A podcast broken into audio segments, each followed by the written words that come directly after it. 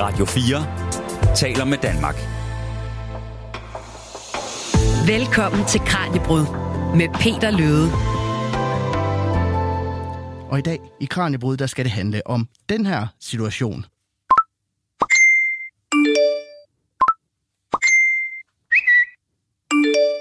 Nemlig når vores telefon, den forlanger vores opmærksomhed. Og jeg er selv typen, der er enormt slem til at lave den her, nemlig med at lægge min telefon på bordet med skærmen nedad, når vi sidder og spiser derhjemme for eksempel. Og min kone, hun siger altid, den skal ikke ligge der, for nu skal jeg så lige huske at være lidt til stede i, i nuet. Og jeg synes jo selv, den kan godt ligge der, uden at det nødvendigvis er et, er et problem. Og nu er det ikke, fordi jeg sådan skal råde dig ind i vores hvad kan man sige, ægteskabelige diskussioner derhjemme, Andreas Liberoth. Men er det nødvendigvis et problem, at telefonen den, den ligger fremme? Jamen altså, det kan jo godt være et problem for din kone, lyder det til i hvert fald.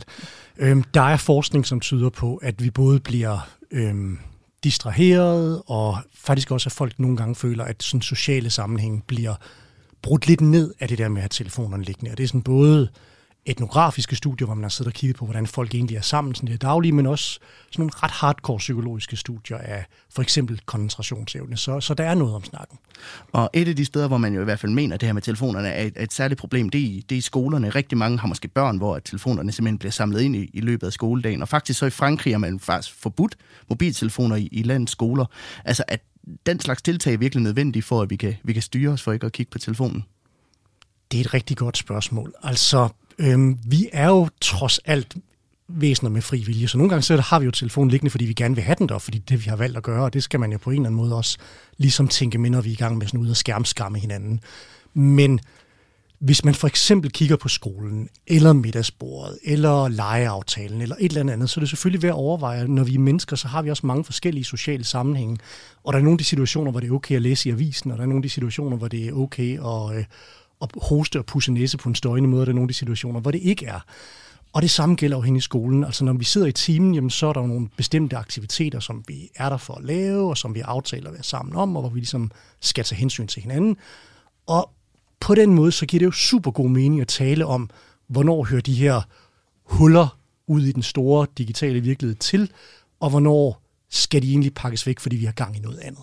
Og det er lige præcis den her balancegang, øh, vi skal tale om i dag i Kranjebrud. Fordi Kranjebrud i dag handler, som man måske kan regne ud, nemlig om kampen om vores opmærksomhed. For er det virkelig et problem for vores evne til at koncentrere os og være til stede nu, at vi hele tiden har en smartphone ved siden af os med adgang til sociale medier, nyheder og utallige kattevideoer, der kører på repeat?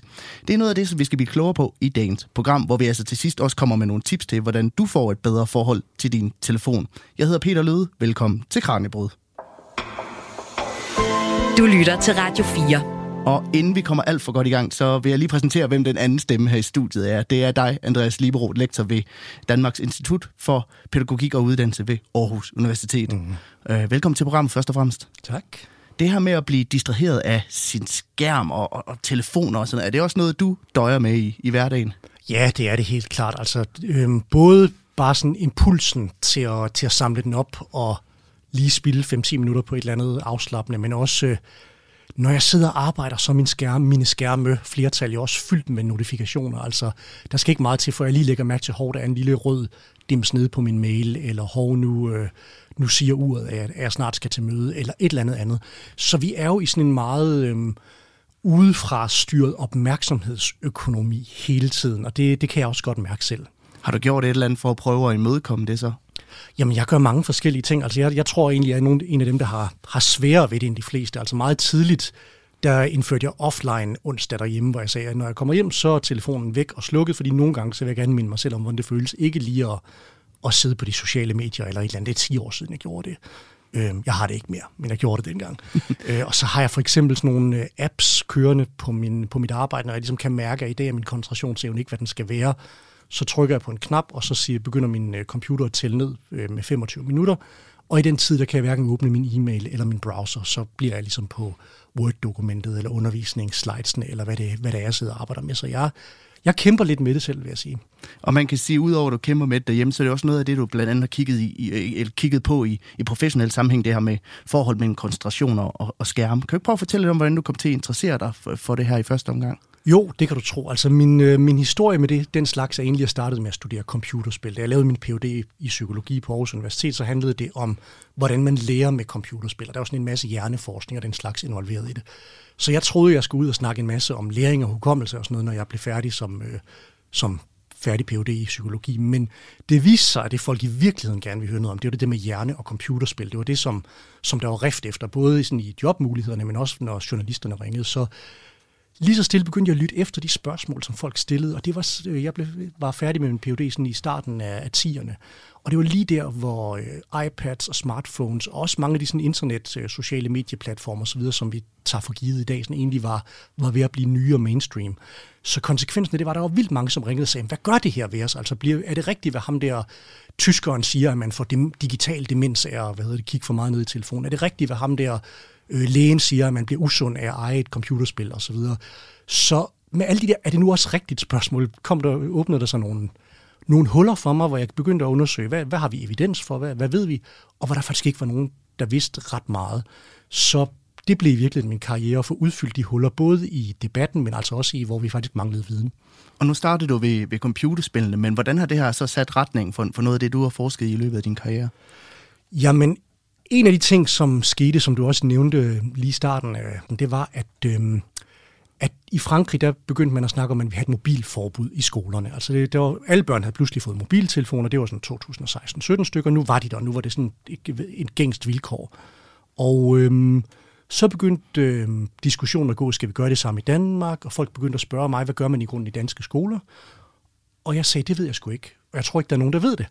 Øhm, fordi alle de svar, jeg kunne få, det var sådan noget, vi kender nogen, hvor der er totalt forbud, eller vi kender nogen, hvor de har sådan en kasse, det ligger dem ned i timen osv., men det var alt sammen sådan nogle, vi har hørt, eller vi kender nogen, og det er jo ikke god videnskabelig valuta, så jeg besluttede mig, jeg sad med nogle, jeg havde et forskningsprojekt sammen med WHO på det tidspunkt, øhm, hvor der var nogle penge til års, som egentlig var sådan en, en slags forskningshonorar til mig. Så tænkte, det honorar vil jeg bruge på at undersøge det. Så jeg fik lavet sådan en kortlægning over mobilregler i de danske folkeskoler. Øhm, der var ikke nogen, der vidste, hvad der var sådan almindeligt at gøre. Så vi lavede sådan en repræsentativ statistisk undersøgelse, hvor min stakkels studerende ringede rundt til 600 skoler og sagde, hej, har I mobilregler?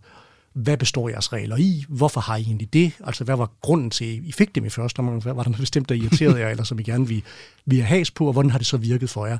Og den rapport, den, øh, den ved jeg ligger rundt omkring på politikere og spore og sådan noget stadigvæk den dag i dag, fordi det er viden, som, øh, som var nyttig at få, og som stadigvæk kommer op, når diskussionerne om telefonerne, der forstyrrer os, eller de digitale medier, som måske kommer i vejen for noget andet, vi gerne vil i vores tilværelse, osv. Hvad kunne I så se i den her rundspørge? Altså, altså hvor, mange havde, øh, hvor mange havde regler omkring det her i, i skolerne? Jamen, på det tidspunkt, så, øhm, så var det sådan, hvis vi spurgte, har I en politik, så var det ikke alle, der sagde, de havde det. Men de fleste sagde, at vi har nogle regler af en slags, eller vi har en praksis af en art. Øhm, og det handler blandt andet om, at i Danmark så har vi ikke sådan en fransk skole, hvor der sidder en eller anden person i Paris og bestemmer, hvad man skal gøre et eller andet sted i Sydfrankrig. Vi har ret meget medbestemmelse i de danske skoler, hvilket jeg synes er en ret fantastisk demokratisk måde at lave, at lave dannende skole på. Bare sådan i min egen ideologi omkring, hvad skole skal være for noget. Ikke? Øhm, så mange af dem har allerede, havde selvfølgelig fundet nogle løsninger på hverdagens problemer, og det vi fandt ud af, det var, at det var ret almindeligt at have en eller anden form for kasse eller øh, indsamlingsaftale, hvor de enten skulle leveres på kontoret, og så blev døren låst, indtil der blev fri fra skole, eller måske i klassen, så var der en kasse, hvor det blev lagt væk ind til 12 kvarteret eller et eller andet. Så er der mange, som ret fornuftigt også sagde, at det kommer jo nok an på klassen. Altså, det er jo, det er jo, der er forskel på at være i 10. klasse og i 1. klasse. Det er helt forskellige vilkår. Børn i 1. klasse har slet, for det meste slet ikke mobiltelefoner. Så der var mange, der sådan differentierede det lidt. Og så var der nogen, som sagde, jamen vi, øh, vi prøver egentlig at rumme digitale teknologier, for vi ser det som en del af den danske virkelighed, vi ser det som del af den fremtid, børnene kommer ud i, vi ser det som del af den sociale virkelighed, som børnene også agerer i. Så det er jo vigtigt, at de selv bliver myndiggjort til at få snakket om, jamen, hvad er egentlig okay opførsel, når, når nogen ruller ind i ens DM's og, og sladrer om ens venner, eller hvornår, øh, skal vi, hvornår vil vi egentlig have det bedre sammen, hvis vi lagde telefonerne væk. Så noget af det, det er sådan helt det samme, som hvor man, når man spørger elevrådet og siger, hvad synes I, og så bliver børnene hørt.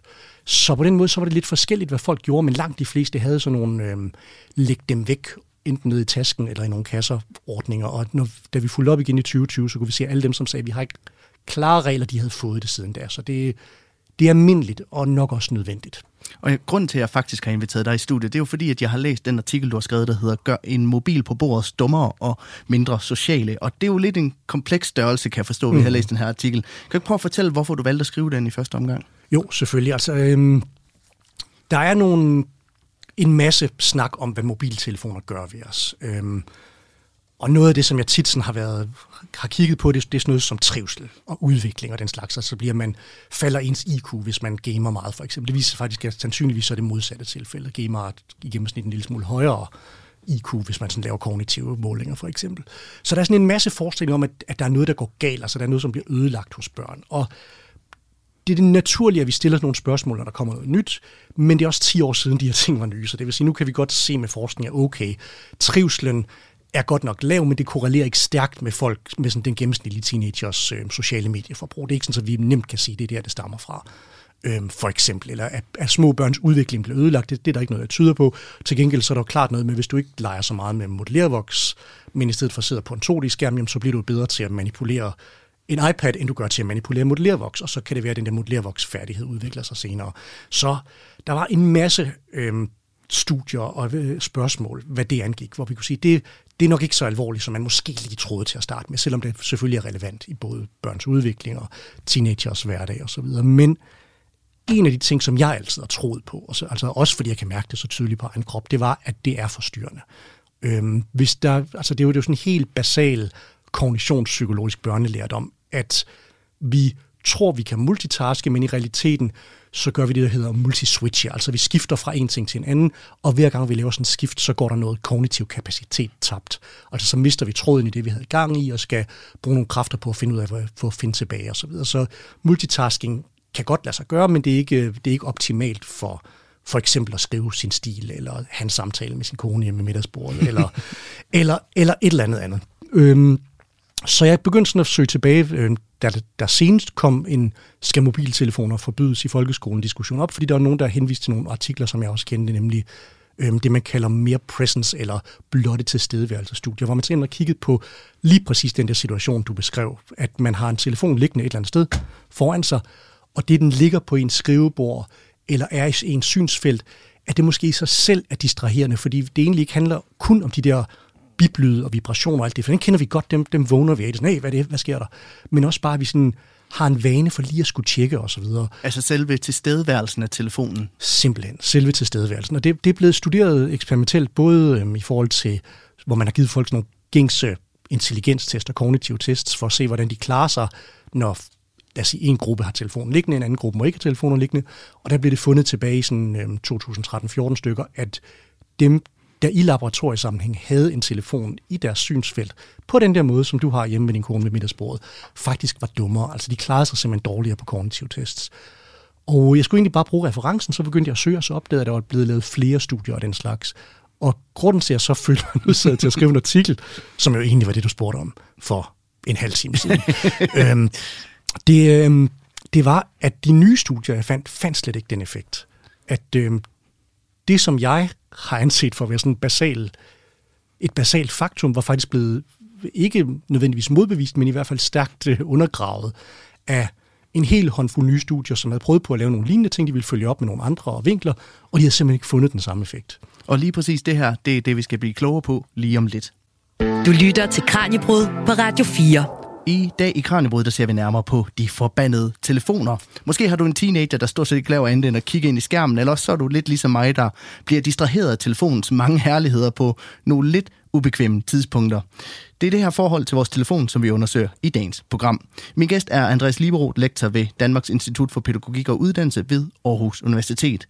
Og Andreas, altså, hvad er det for et greb, som telefonen ligesom har i os? Altså, hvorfor føler vi hele tiden den her trang til at tjekke, om der nu er sket et eller andet?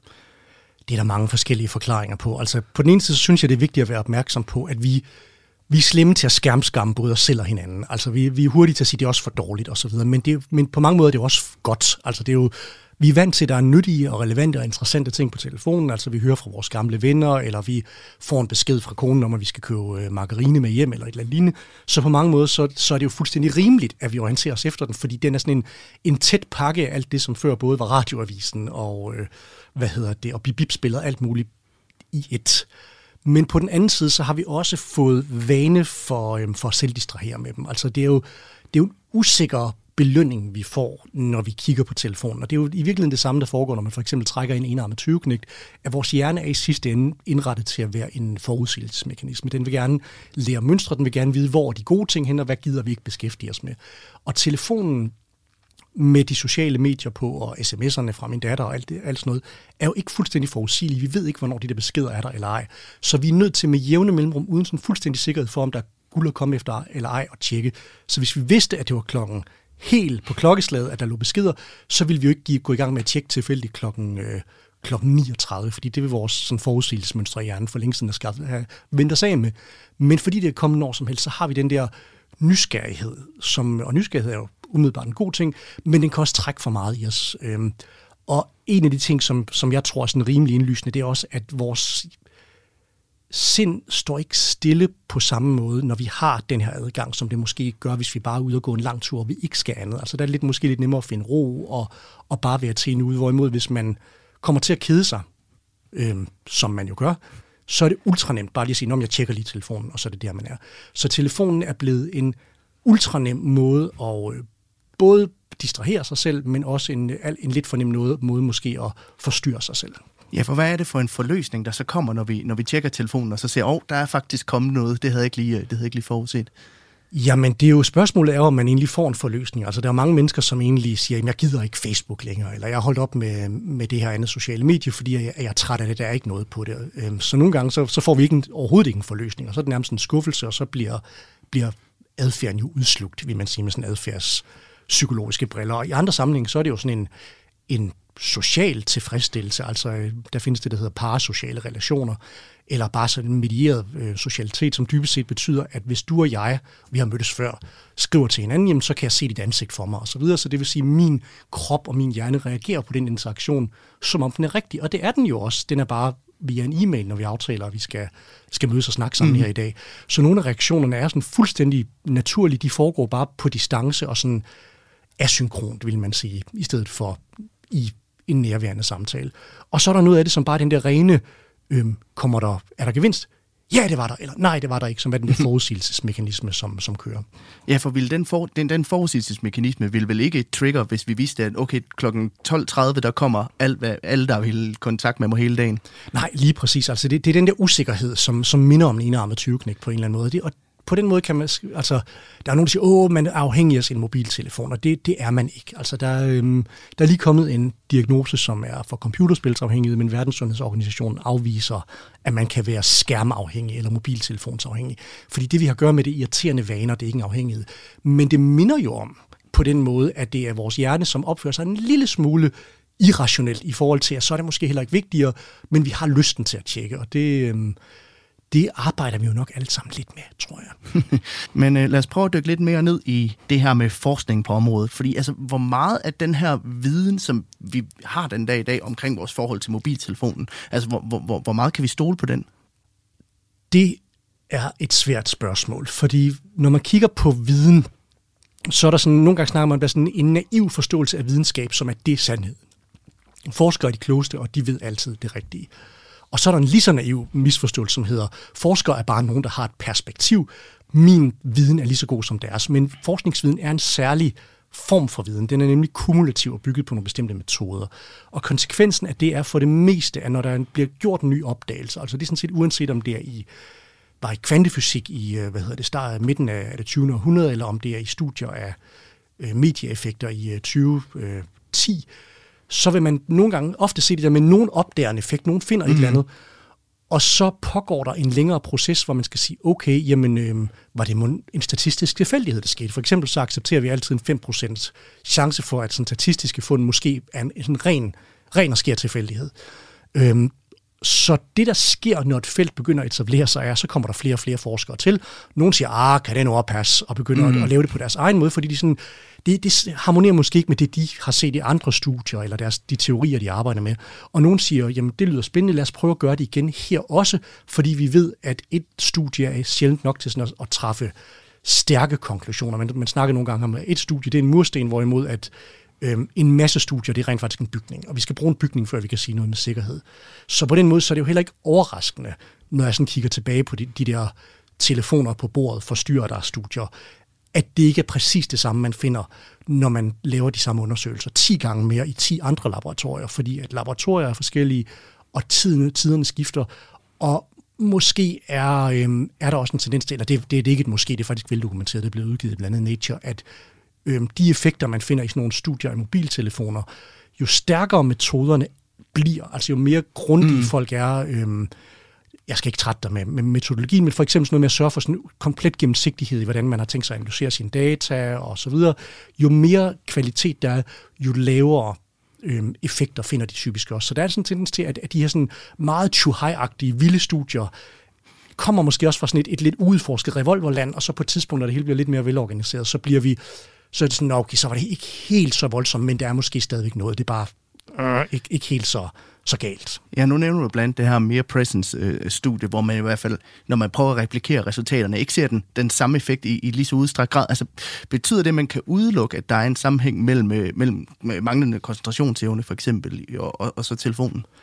Nej, det, jeg vil aldrig sige, at man kan udelukke noget. Altså, så, så skråsikkert vi aldrig udtale mig som forsker. Men vi kan se, at det der måske fremstod som sådan en meget skråsikker konklusion, og som i sådan andre mennesker sender, altså dem, som har gået ud på et øh, forældremøde og vifter med et eller andet, de har læst nogen skrive i Berlingeren, øhm, den der skråsikkerhed er vi nødt til at komme til livs, fordi vi kan slet ikke være så sikre på det fund.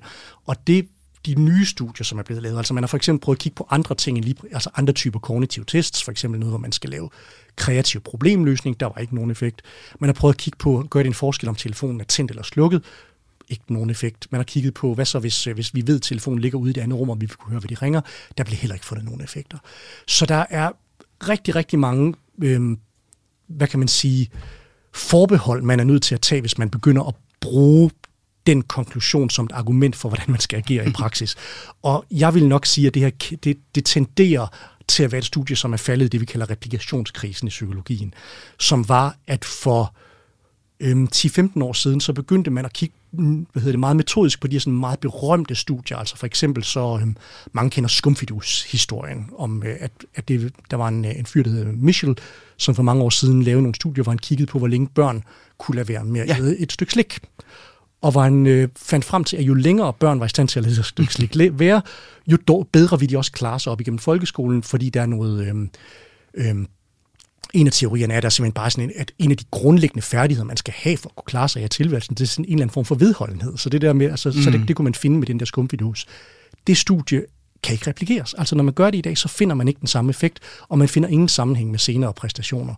Og øhm, så man siger, at det studie er faldet. Altså det, det, det holder simpelthen ikke længere, selvom det måske var et interessant fund dengang. Og det er sådan en lille aside, men jeg synes, det er vigtigt. Altså en af grundene kunne være, at det der med at blive tilbudt en skumfidus i 60'erne, eller hvornår det jeg mener, det var i 62 derfra, men, jeg, men nogen vil sikkert kunne skrive det, præcis hvornår det er, at det var måske en større ting for et barn dengang, så det at vente med at spise sin skumfidus for at vinde en ekstra skumfidus var virkelig en stor gevinst dengang. Hvorimod min datter, som får rå mængder slik jævnligt af sin mormor, vil bare tænke, en ekstra skumfidus, nej, jeg tager den nu. Rup, jeg ved, der kommer en anden senere. Mm.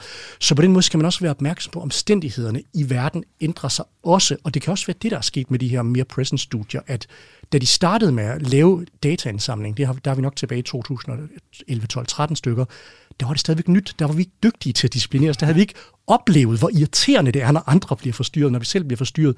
Men prøver vi så at lave de samme studier i 2020, så finder vi muligvis ikke en effekt, simpelthen fordi folk faktisk er blevet ret gode til at sige, at jeg skal ignorere det. Ja, vi, har, vi har lært at håndtere det her, for det er jo en anden del af vores læringsmekanisme i hjerne, at finde ud af, at det her det er noget skidt, det skal jeg lige kunne kunne klare. Så måske er det derfor. Hvem ved? Og nu nævnte du også det her med det her mere present studio. Et af de studier, der bliver citeret rigtig, rigtig meget i, i pressen, når det også kommer til, til, til det her, især med forbud i, i folkeskolerne og sådan noget.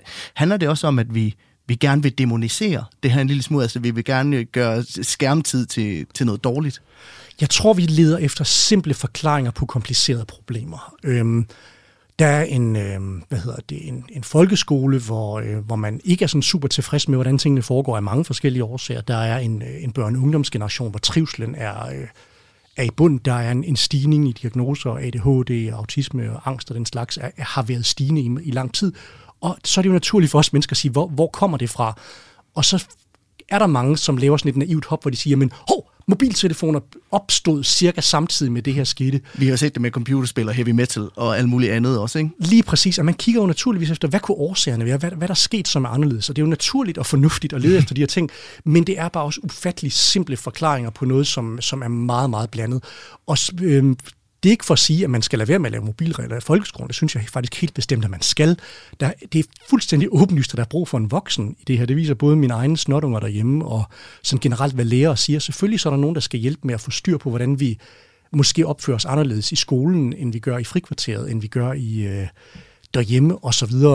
Men det der med, men der, så der er en tendens til, at telefonen er et nemt mål for de der forklaringer, som øh, enten ikke er der, eller er for kompliceret, eller måske handler om noget så træls, som at vi ikke har så mange øh, økonomiske ressourcer i samfundet, fordi at øh, folk gerne vil have flere penge på friværdien, eller et eller andet andet. Der kan være mange samfundsmæssige sammenhæng der, som er svære at få greb om, hvor mobiltelefonerne bare er super nemme, og det, det skal man passe på med.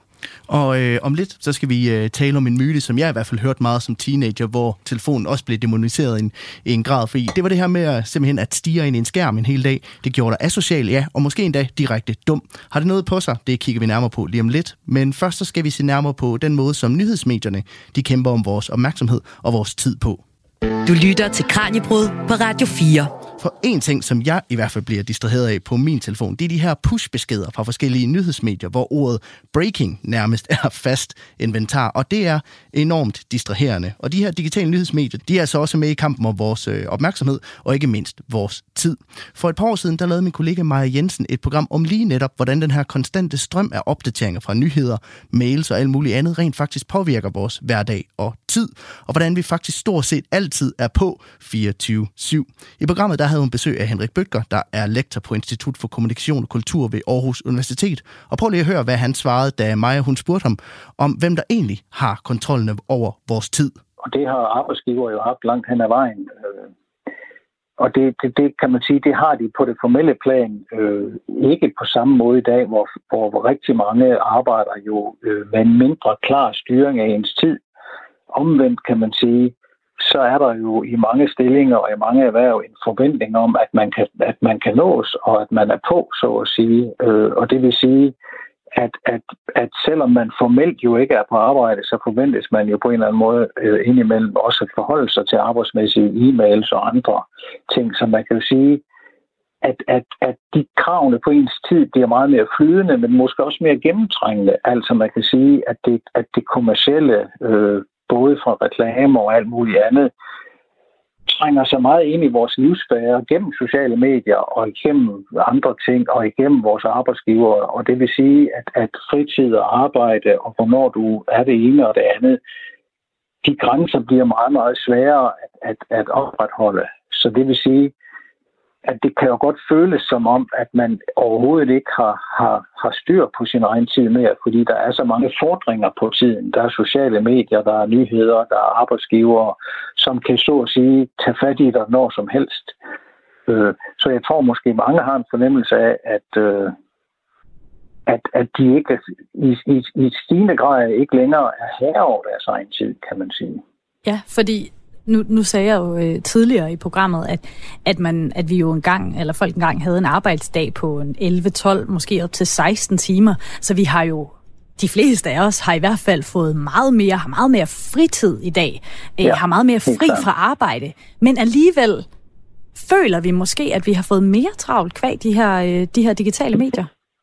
Ja, det, det tror jeg helt klart. Også fordi at de jo ikke er stedsbundne på sig. Altså i, i, i, takt, i, i, i takt med, at vores, vores tilgange, altså vores materielle ting og sager, iPhones og andet, bliver mindre og mindre, i takt med, at de kan mere og mere og være mere og mere forbundet. Det vil sige, at, at, at i alt, hvad du foretager dig, så at sige, er der rigtig mange, der har, der har den ting med, og det vil sige, at det er lidt svært at, at løsrive sig fra andres tid, så at sige, fordi at andres tid altid på en eller anden måde kan komme ind og, og gøre krav på din. Altså, at det vil sige, altså de der rum, man har, hvor, hvor, man, er, hvor man egentlig føler, man er her over egen tid, de bliver færre og færre, fordi at det, du kan altid afbrydes. Folk kan ringe, der kan komme en pushmeddelelse fra nyheder.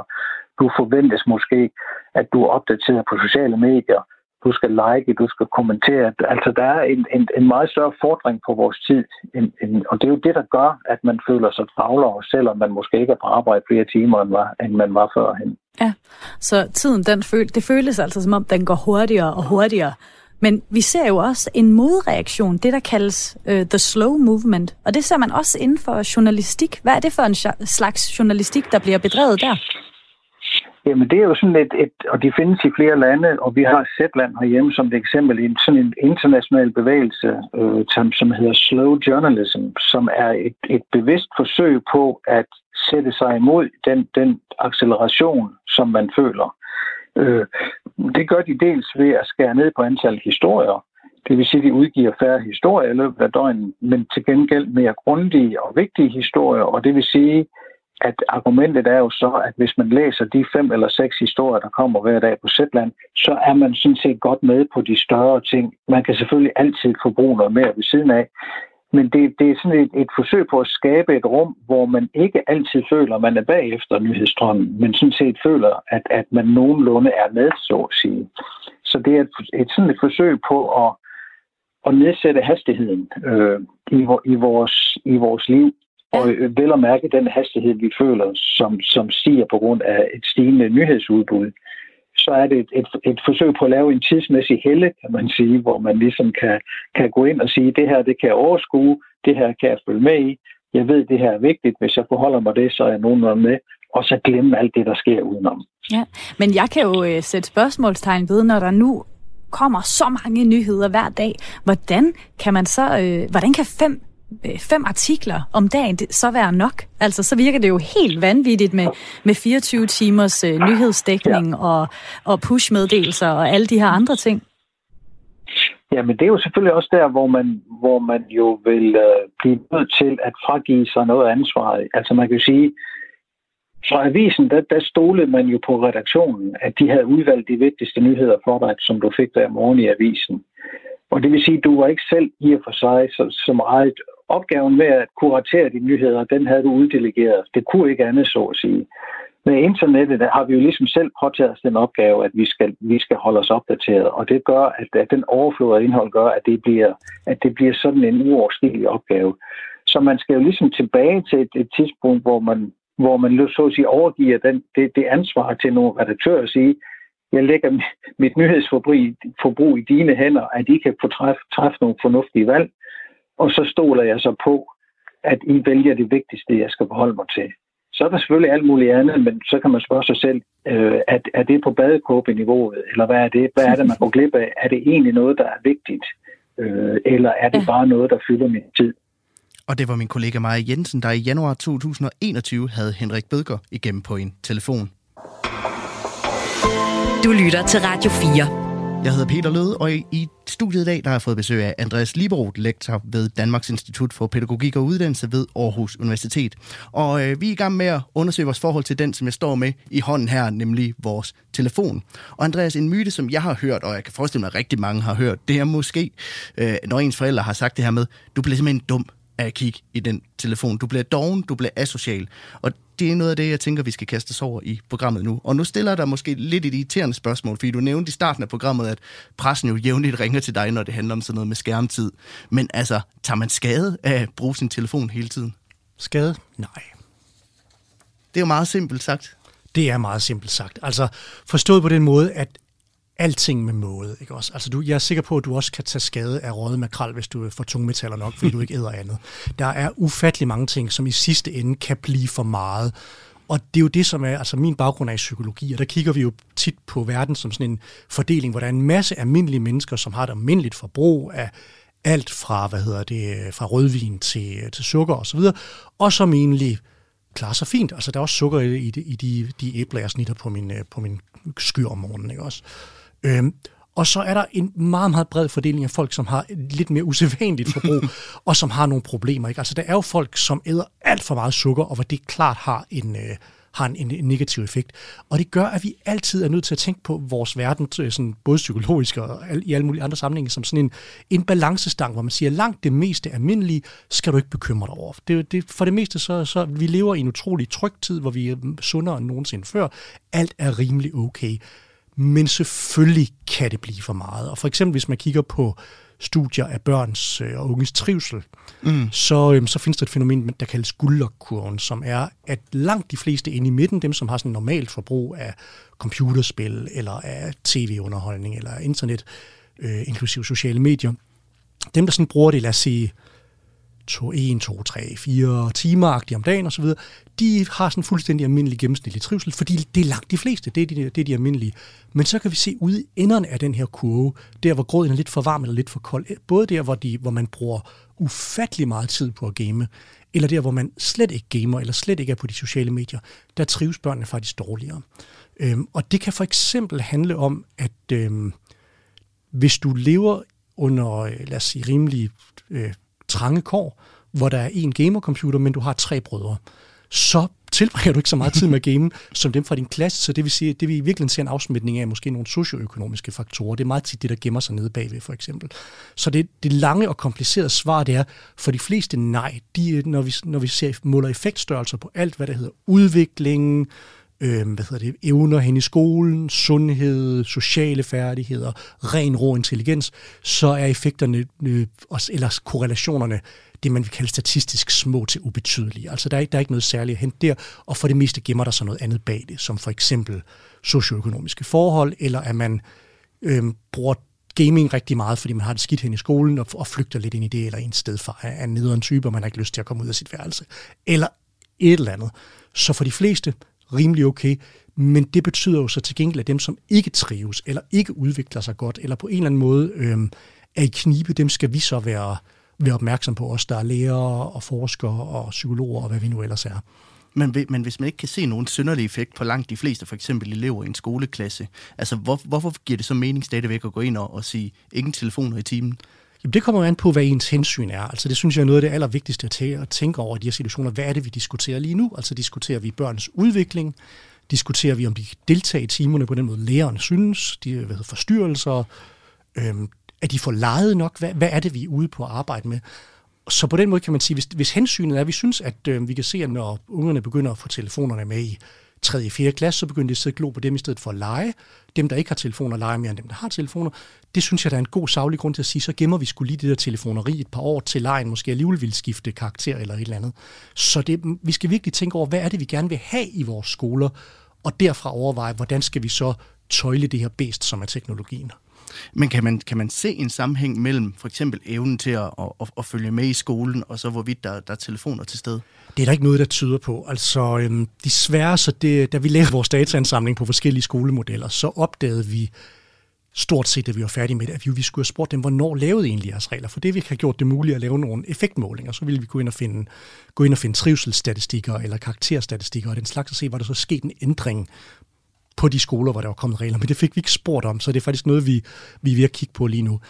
Det man dog kan se, øhm, der var en, en dygtig sociolog, øhm, som i sit speciale, Benjamin Skov Ildsø, han lavede en undersøgelse, hvor han kiggede på vores mobilmodeller, som vi havde fundet ud af, at skolerne lavede, og så holdt han det op imod øhm, skolernes øh, karakterer, altså hvordan de lå rent fagligt, og imod trivslen, som blev målt i skolerne. Og der var ingen effekt at se på, om reglerne var strenge eller løse.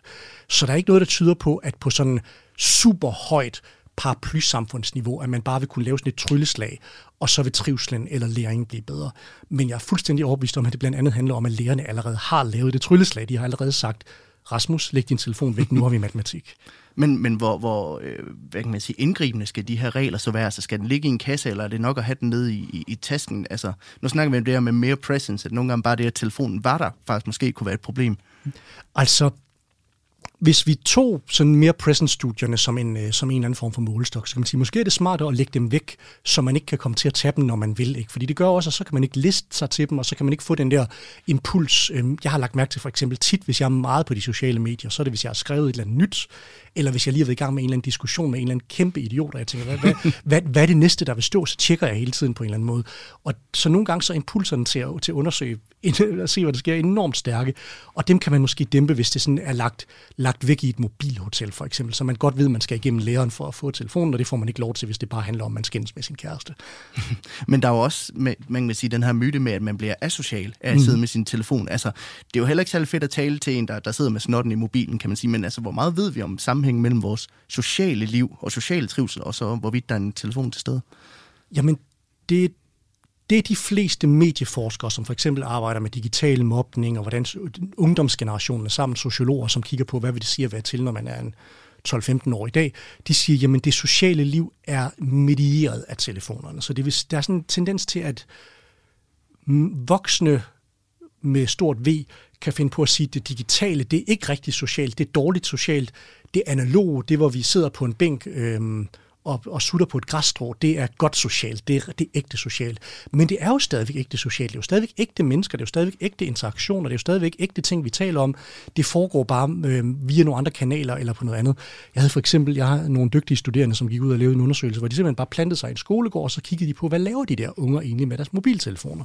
Og det de så, det var, at, øh, at det fungerede som sådan en fælles tredje, rent socialt, hvor jo, jo, bevares, der var dem, som havde telefoner, fandt dem frem, og sad lige og bladrede igennem, ligesom jeg måske gør, hvis jeg er på toilettet, lige ser, hvad, hvad er der i nyhederne, eller et eller andet lignende.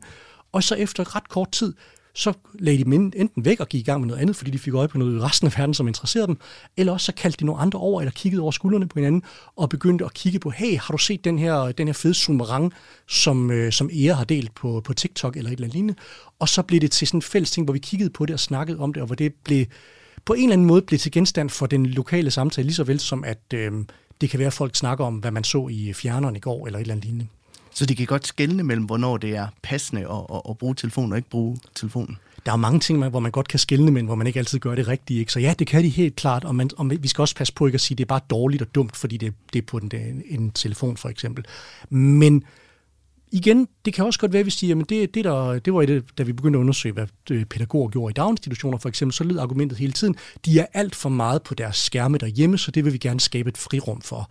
Øh, og det viste sig at være fuldstændig forkert. Altså det, der, det er ikke sådan, så at børn altså bitte, bitte små børn lever et liv, som er sådan 80-90 procent analogt, så det, det er virkelig noget vås at sige, at pædagoger skal blande sig i, hvordan børn lever, ud fra en eller anden forestilling om, hvordan deres liv er derhjemme klokken 4, når de er drøntrætte efter at have været ude på legepladsen i, i mudderet og så videre. Ikke?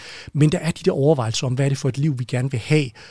Og jeg synes, det er rimeligt, at man har nogle værdidiskussioner og sige, hvad vil vi gerne have for en skole, hvad vil vi gerne have for en måde at være sammen på, men man skal lade være med at spille, spænde for meget forskning foran det, for det er altså ikke sådan, at forskningen understøtter ideen om, at man bliver socialt dårligere af det, man bliver måske bare socialt anderledes, end generationen før var. Ja, for jeg, jeg, skulle, jeg skulle lige til at vente når man, altså hvis, man, hvis uh, telefonen var samlingspunkt og et fælles tredje i rigtig mange sociale interaktioner, kunne det så ikke skade det sociale øh, i skolen ved, at man tog dem fra dem?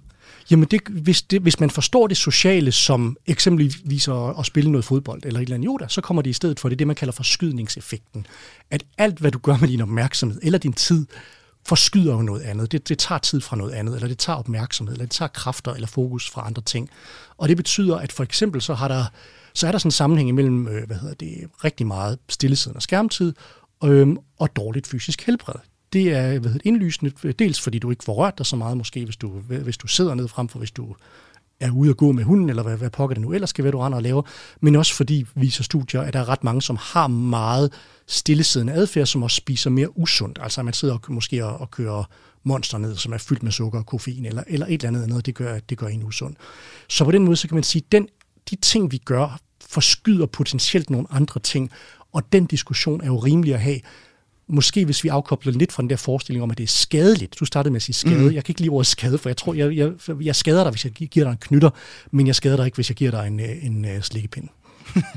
og øh, hvis du også synes, at telefonen har et lidt for godt tag i det, så synes jeg, du skal lytte med om lidt, for der giver vi dig nogle tips med på vejen til, hvordan du selv kan skabe bedre balance i din skærmtid. Radio 4 taler med Danmark. Du lytter til Kranjebrud, det daglige videnskabsprogram her på Radio 4, og i dag der undersøger vi vores forhold til dem her.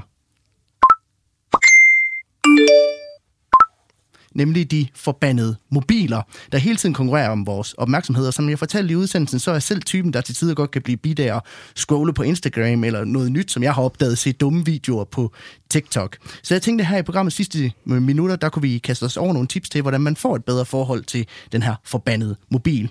Og øh, du har taget nogle tips med i dag, Andreas, øh, mm. til hvordan man kan vende noget af sin opmærksomhed tilbage, uden at skulle smide telefonen i, i skraldespanden. Hvad er det? bedste tip, du kan dele ud af i dag? Det bedste tip, jeg har, det er slet appsene og sluk for notifikationerne. Altså, vi har jo faktisk ret meget kontrol over vores telefoner, og den måde, jeg har fået ret meget af min selvkontrol tilbage, det er, jeg har ikke appsene liggende, så de der røde dutter kommer ikke. Jeg har sat min computer til at lade være med at vise mig øhm, små øh, notifikationer, når der er en e-mail osv., fordi på den måde, så er jeg ikke nær så distraherbar, mens jeg sidder for eksempel med, med min computer tændt. Og på samme måde, så, kommer, så, må jeg, så skal jeg gå ind på internettet for at se, om der er noget på Instagram eller Facebook eller et eller andet. Så bliver det mig, der bestemmer, ikke telefonen, der bestemmer. Så sluk for de der notifikationer. Det vil gøre dig gladere. Så, så det handler om at gøre det til et aktivt tilvalg og gå ind og tjekke sine sociale medier for eksempel? Lige præcis. Og det, det gør jo ikke, at man går glip af sine sociale medier. Det gør bare, at man måske lidt mere gør det på sine egne præmisser. Et andet øh, sådan klassisk adfærdsdesign-trick, det er at skabe omstændigheder, som forhindrer dig i at være dum. Og det vil sige, at lad være med at tænke så meget på tid. Fordi nogle dage har vi bare brug for at sidde og splatte ud, og nogle dage har vi, er, har vi super meget selvdisciplin. Vi kan ikke altid regne med, at vi er lige stærke. Men vi kan for eksempel sige, ved madbordet laver vi en aftale om, at der er telefonen ikke, så når vi spiser, så er telefonen Ja, det kunne vi godt bruge derhjemme. det, Den ville være nem, ikke? Hjemme hos mig, så hedder reglen, hvad hedder det, efter vi har spist, er der heller ikke nogen telefon, fordi det er der, mine unger skal puttes snart, så der er der ikke nogen grund til, at de lige går i gang med et spil eller et eller andet, så skal vi skændes om at få det slukket. Og det samme gælder, når de har spist morgenmad, så kan det godt være, at de har 10 minutter, men på et tidspunkt, så vil jeg sige, kom så, nu skal vi have støvler på, vi kommer snart for sent. Og så skal de kunne reagere på det med det samme. Og det er nemmere at forholde sig til, hvis så regler. Hvis vi har spist, er der ikke telefon. Hvis det er lørdag, må du det her mere, end du ellers må, og så videre. Hvis det er fredag, må du få slik, men det må du ikke, hvis det er torsdag. Så de der hvis så bundet op på bestemte ting, man laver, eller bestemte steder, man er, er gode idéer. Det kan også være, at man siger, spisekøkkenet er simpelthen skærmfri tid. Hvis vi skal være der, så, øhm, så lægger vi dem ud i gangen eller et eller andet.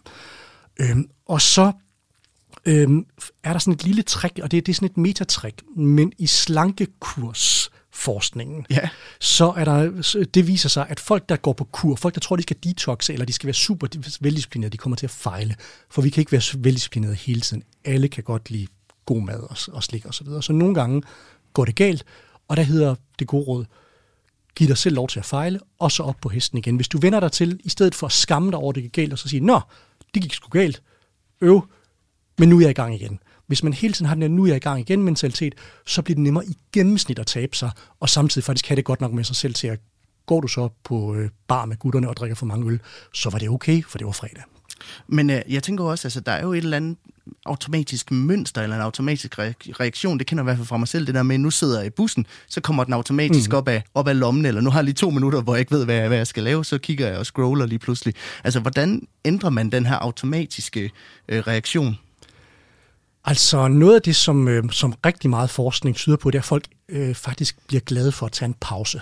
Altså der er mange, som, øh, som fortæller, at de virkelig føler, at de får nemmere ved at være nærværende, og det får det rart, hvis de lige øh, melder sig af Facebook for en kort bemærkning, eller lige, øh, lige dropper det for, for en tid, så øh, kan man sige, normaliserer vores forventninger sig en lille smule, og så er man måske mere tilbøjelig til at, til at være lidt til stede. Det viser sig desværre også, at de der vaner lynhurtigt vender tilbage igen. Altså det, det er sjældent, at, de der, at man bare kan sige, så er du blevet detox, og nu er du rask. Der er detox er for det meste noget forbandet pseudovidenskabeligt vås. Men man kan, så det, det er en mulighed. Jeg vil sige, den nemmeste mulighed, det er at skabe, gøre det besværligt for dig selv. Hvis vi vender tilbage til slankekur og adfærdsdesign, så lad, hvis, øh, så kan man sige, analogien er måske, lad være med at købe slik, når du er i supermarkedet, put det ind i dit skab, for så er det for nemt at æde slikken. Tilsvarende, når du er i bussen, hvis du øh, hører øh, podcast, eller radio, eller lydbog, eller hvad du gør, så læg din telefon om i tasken, i stedet for at have den i lommen, fordi så er den der indlysende øh, grebe i lommen ikke så, så nemt at gøre. Hjemme hos mig, der har jeg en, en, jeg har sådan en, en gammel øh, læderlænestol med, med sådan nogle messingknapper, som jeg har arvet fra min mormor, hvor jeg sidder og læser tegneserier. Øh, og der plejer jeg at lægge min telefon et helt andet sted, fordi så er jeg sikker på, at mens jeg er der, så vil det i mindste kræve, at jeg lige rejste mig op og fandt ud af, hvor jeg havde egentlig lagt min telefon. Og det gør for det meste, at så bliver jeg bare siddende.